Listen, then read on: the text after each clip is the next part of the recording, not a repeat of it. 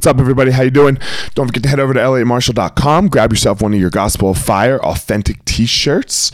Um, I've got some favorites on there, so go head over there to grab yours today to help support the message. Um, don't forget to check out my webinar and my course on that channel on that website as well.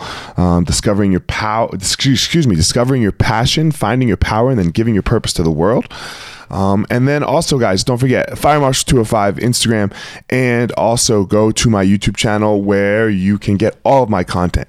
So, yeah, head over those things. I'd greatly appreciate it. Leave a review, give a like, give a subscribe, give a follow, whatever one, whatever channel you're on, and thank you so much. So, I hope everyone's well today. I hope everyone had a good weekend doing their thing.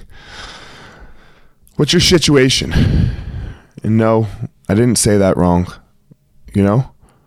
Uh, what is your shituation? Normally we say what's our situation. But we all have shit. Don't think you're alone in your shit. I have shit. My wife's got different shit. We've got some similar shit. Right? What do you do with that? What do you do with it? How, how much do you allow your shituation to actually fuck with your situation? The, that they're they're two different things. They it does, they don't have to be the same. They, they don't have to touch. The choice is on you. The, the, the choice is 100% on you how much you let the shit of your life affect your actual life. What do you want to do with that? What do you want to do with with those two separate things? How do you handle them? Sure, you might have this one thing over here that's really annoying and not going well, but does it have to affect your entire life? And are you actually going to address that shit?